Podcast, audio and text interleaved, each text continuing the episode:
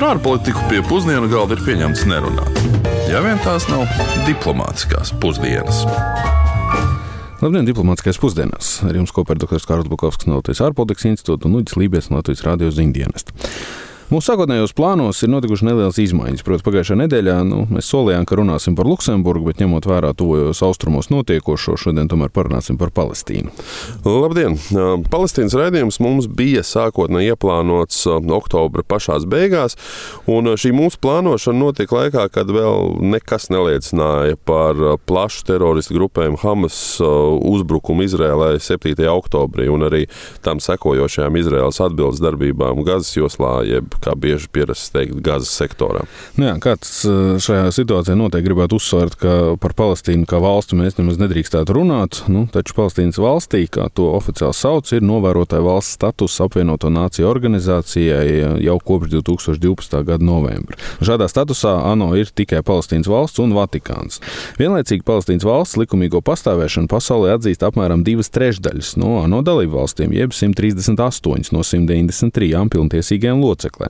Starp neatzinušajām, starp citu, ir ASV, Kanāda, Meksika, Austrālija un lielākā daļa Eiropas Savienības dalību valstu.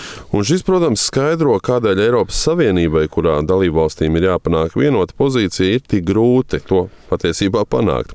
Nu, tādas valsts kā Zviedrija, Polija, Čehija, Ungārija, Slovākija, Rumānija, Bulgārija atzīst Palestīnu, kamēr pārējās, ieskaitot visas trīs Baltijas valstis, neatzīst. Un tādēļ sagaidīt vienotu un stingru rīcību no Eiropas Savienības ir ļoti grūti, un viss ir atkarīgs no dažādām situācijām. Nu, arī Eiropas Savienības kopējais stingrais nosodījums Hamas uzbrukumam bija drīzāk izņēmums nekā likumsakarība. Jā, nu, ņemot vērā visu šo ļoti sarežģīto vēsturi, un arī kaut kur riskējot saskarties ar dusmīgiem viedokļiem no šī polarizētā stāsta ietvaros, no Izraēla vai palestīniešu aizstāvošajām pusēm. Mēs mēģināsim, nu, vismaz mēģināsim 15 minūtēs daļai izskaidrot uh, Palestīnas valsts vēsturu un mūsdienu Palestīnas divas daļas. Bet pirms mēs sākam, lūk, tas, ko Latvijas iedzīvotāji zināja stāstīt paši par Palestīnu. Un šeit arī piebildīsim, ka arī šie viedokļi ir ierakstīti aptuveni nedēļu pirms uh, Hamas uzbrukuma Izrēlai.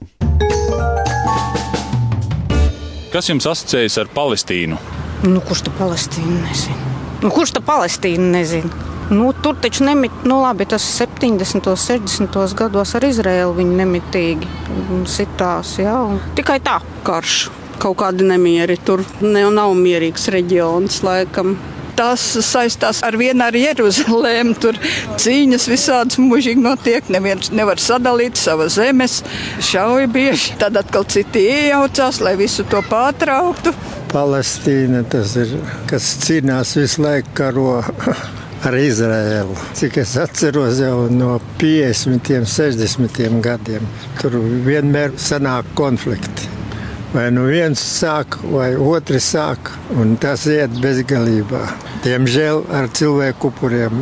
Nu, Palestīnā ir tas dievnams, Jēzus Kristus kaps, visas tās svētvietas. Nemieri, protams, pilsoņu kāžu, bet tā pretošanās kustība Izrēlai sadalīta divās daļās. Man patīk arī vēsture, tāpēc man zinu, ka viņi ir daļai, agrāk bija kolonijas, slavens jūras braucēji šveniķieši no, no turienes viņiem vēsture nāk. Nu, protams, ka mūsdienās lielākoties ir nabadzība un vardarbība. Nu, tur ir vien kaut kādi kari tur notiek, jā, tur viss trauka ar Izrēlu, viņiem tur neiet labi, katrs tur cīnās par savu taisnību. Nu kā, tu es vispār gribu aizbraukt uz turieni, bet neizdodas. Nu, kā tur Isus Kristus laikam bija, nu, kā iecināts cilvēks. Domāju, tikai tāpēc. Šīs dienas raidījuma pamatēdienu sadalīsim divās daļās. Tāpat kā šobrīd fiziski ir sadalīta Palestīnas valsts Gazas joslā un Jordānas upes rietumkrastā. Bet pirms tam ļoti īsais ekskurss Palestīnas valsts vēsturē. Nu, kā jau runājām raidījumā par Izraēlu pirms sešām nedēļām, tad to austrumu teritorijas ir bijušas ļoti daudzu ārvalstu impēriju un politisko veidojumu kontrolē, kas tieši ietekmē arī etnisko sastāvu tagadējās Izraēlas un Palestīnas teritorijā. Islāma reliģijai piedarošo iedzīvotāju skaits teritorijā sāka pieaugt uzreiz pēc islāma izveidošanās 7. gadsimtā, Jeruzalemē kļūstot par vienu no musulmaņu svētvietām. 16. gadsimtā Izraels Palestīnas teritoriju iekaroja turki un iekļāva to Osmaņu impērijas sastāvā. 1918. gadā brūkot Osmaņu impērijai Pirmā pasaules kara rezultātā teritoriju pakļāva Briti un tā ieguva nosaukumu Lielbritānijas mandāta teritorija Palestīnā. Imigrācijas rezultātā, sevišķi pēc Otrā pasaules kara, izrēliešu skaits strauji palielinājās un arabu demogrāfiskā dominanta sāka, nu, tā, ja tā var izteikties, ļodzīties. 1948. gadā tika nodibināta Izraels valsts un arābu izcelsmes iedzīvotājus sāka izspiest no to apdzīvotajām teritorijām. Nu, paši palestīnieši Izraels valsts dibināšanu dēvē par nagba, jeb tulkojot par katastrofu. Un arī 75 gadus vēlāk šī izpratne par attiecībām ar izrēliešiem nav mainījusies. Tam pamats ir pastāvīgā palestīniešu apdzīvoto teritoriju iekarošana un atņemšana. Gan regulārā kardarbība palestīniešu teritorijās, gan iebrukumi no ārpuses, gan palestīniešu došanās bēgļu gaitās un to apdzīvoto teritoriju pakāpeniski iekļaušana Izraels sastāvā, gan okupējot teritorijas, gan arī būvējot um, ebreju kolonistu apmetnes. Tas viss ir rezultājies palestīniešu iedzīvotāju teritorijām, esot gan Gazas joslā pie Eģiptes robežas, un arī Jordānas upes rietumu krastā. Teritorija zaudēšana vienmēr ir bijis ne tikai fizisks dzīves telpas ierobežojums palestīniešiem, bet arī aizvainojums, nu, kas pārmantots no paudzes paudzē. Un mūsdienu radikalizācija Gazas joslā un arī rietumkrastā ir virkni iemeslu. Un um, ne tikai ideoloģiskā cīņa pašiem par savas valsts faktisku un juridisku izveidu un zaudēto teritoriju atgūšanu, bet arī dzīves apstākļi, kurā cilvēki atrodas, sekmē augošo neapmierinātību un radikalizāciju. Sevišķi, ja, protams, blakus ir aizsniedzams un tūlītais ienaidnieks un problēma vaininieks. Nu, attiecīgi, politiskie spēki mm, atrodas reti viņiem izdevīgā situācijā. Un to arī aktīvi ir izmantojusi organizācija Hamas, jeb Islāmiskā pretošanās kustība. Hamas skaitās ietekmīgākā politiskā organizācija Palestīnā. Tā ir atradusies pastāvīgā karā ar Izrēlu, kuras valstiskumu viņi principiāli neatzīst. Hamas Gazā nostiprinājās pēc 2006. gada parlamenta vēlēšanām, un domstarpības ar politisko opozīciju noveda pie šo spēku pārstāvu noslapkošanas un faktiski kontrolas sagrābšanas pār Gazas joslu jau nepilnu gadu vēlāk. Jā, jāsaka, Jau 2003. gadā Eiropas Savienība iekļāvusi šo 1987. gadā dibināto organizāciju Hamas teroristisko organizāciju sarakstā. Nu, līdzīgi bija rīkojušās arī Amerikas Savienotās valstis. Daudzas pasaules valstis, kuras agrāk nebija nosodījušas Hamas kā teroristu, šobrīd to dara, redzot no nu, acīm redzamās zvērības, kas pirms desmit dienām tika pastrādātas un publiski reklamētas. Un jāsaka, Hamas nav vienīgā gan teroristiskā organizācija pašā Palestīnā. Hamas politisko ilgspēju nodrošināja ne tikai um, šīs organizācijas vēršanās pret jebkādu opozīciju. Radikalizācija noteikti ir veicinājusi arī Izraels valdību un drošības drošības spēku veiktā palestīniešu tiesību un brīvību ierobežošana gan Gazas joslā, gan arī Rietumkrastā. Nu, iedomājieties, ka Gazas joslā, kas ir aptuveni 365 km2 liela, tas ir nedaudz lielāk par Rīgu, tur dzīvo vairāk nekā 2 miljoni iedzīvotāju. Un no šī iedzīvotāju kopskaita aptuveni 40% ir vecumā līdz 14 gadiem. Nu, respektīvi, normāli pusauģu vecumu nesasnieguši bērni, kurus ir ļoti viegli ideoloģiski indoktrinēt. Jā, un Gazas blokāde no Izraels un Eģiptes puses ilgstoši radījusi situāciju, ka ekonomikai ir jāiztiek ar pašmāju resursiem un ārvalstu palīdzību. Ierobežotā piekļuve lauksaimniecības zemē izraisa pārtiks trūkumu, un to ir attiecīgi nepieciešams ievest. Enerģijas piegāžu atkarība no Izraels valsts arī ir būtisks faktors Gazas attīstības bremzēšanā, un regulārās militārās operācijas pret Hamas teroristiem Gazas teritorijā situācija absolūti acīm redzot nav uzlabojušas. Un atkarība no ūdens piegādēm vēl jau mazāk. Vēl papildus tam, protams, no politiskās situācijas izrietošie dažādie ierobežojumi cilvēku brīvai ceļošanai, uzņēmēji darbībai, tirzniecībai, arī investīciju piesaistīšanai. Arī nesen atklātās dabasgāzes atradnes gazas palestīniešiem normāli apgādājumi apgūt, nu, visticamāk, neizdosies. Palestīnas pašpārvalde arī ziņo, ka bezdarba līmenis Gazas joslā ir tuvu pusē no visiem teritorijas iedzīvotājiem. Izraels nodrošināta apmēram 8000 gazas palestīniešu ikdienas strādāšana Izraels teritorijā. Nu, ja mēs skatāmies uz iepriekš minētajiem skaitļiem, tā ir tāds piliens jūrā. Nu, vispārējā augošā nabadzība Hamas vadībā un iespēju trūkums arī ir sekmējis Gazas joslas ekonomisko degradāciju un arī politisko radikalizāciju. Pēc 1948. gada lielākā daļa Gazas iedzīvotāji ir bēgļu statusā. Šis pats bēgļu status tiek piemērots arī palestīniešiem, kur dzīvo rietumkrastā un arī ārpus abām šīm te teritorijām. Vēl 2022. gadā 1,7 miljoniem palestīniešu tika sniegta dzīvībai svarīga humanitārā palīdzība no apvienoto nāciju organizācijas palīdzības un darba aģentūras Palestīnas bēgļiem tuvajos austrumos. Un, lai noskaidrotu, kā šī organizācija vērtē situāciju palestīniešu teritorijās, mēs sazinājāmies ar Martu Lorenzo, kas ir šīs organizācijas Eiropas direktore. We are an agency that provides basic education Mēs esam aģentūra, kas Gazas joslā nodrošina pamatizglītību aptuveni 300 tūkstošiem bērnu. Tāpat mēs nodrošinām veselības aprūpi un sociālos pakalpojumus pašiem nabadzīgākajiem iedzīvotājiem. Kāpēc mēs visu to darām? Jo to paredz ANO ģenerālās asamblejas mandāts, kurš būs spēkā līdz brīdim, kamēr netiks atrasts politisks risinājums Izraels un palestīniešu konfliktam. Vēl pirms šīs krīzes mēs, protams, operacionālā līmenī koordinējām ar Izraēlu piegādes ceļus. Mēs to darījām ikdienu, ik nedēļu, lai būtu pārliecināti, ka palestīniešu bēgļi saņem humanitāro palīdzību. Vai tagad tas viss ir apstājies? Atbilde ir tāda. Pašlaik mēs Gazā nevaram ievest neko, jo visi robežu šķērsošanas punkti ir slēgti. Mēs neesam pārtraukuši saziņu ar Izraēlas varas iestādēm. Tieši otrādi, mēs viņiem sniedzam datus par mūsu organizācijas darbības vietām, jo tas ir drošs patvērums mūsu darbiniekiem un arī mūsu uzņemtajiem bēgļiem. Taču nekādu palīdzību ievest mēs nevaram. Zinot, ka situācija tikai pasliktinās, nav elektrības, nav ūdens un sāk beigties pārtika, protams, mūsu aicinājums izrēliešu varas iestādēm ir nodrošināt humanitāros koridorus palīdzības sniegšanai bēgļiem.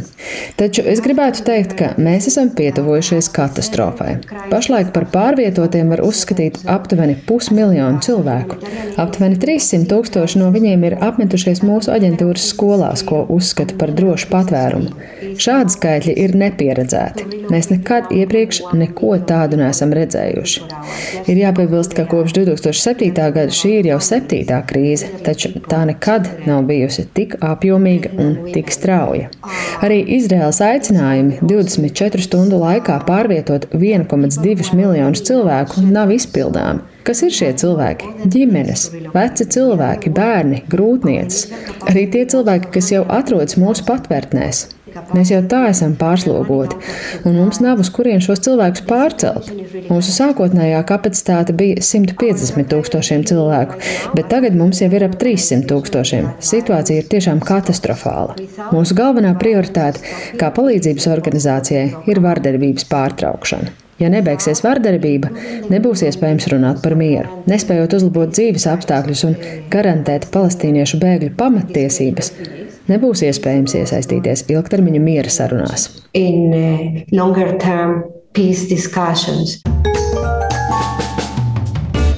Par palestīniešu ekonomiku turpinot, rietumkrasta palestīniešu liktenis ir bijis tikai relatīvi nedaudz vienkāršāks. Abu teritoriju vidējais IKP uz vienu iedzīvotāju pēc Pasaules bankas datiem ir ap 6,5 tūkstošiem eiro.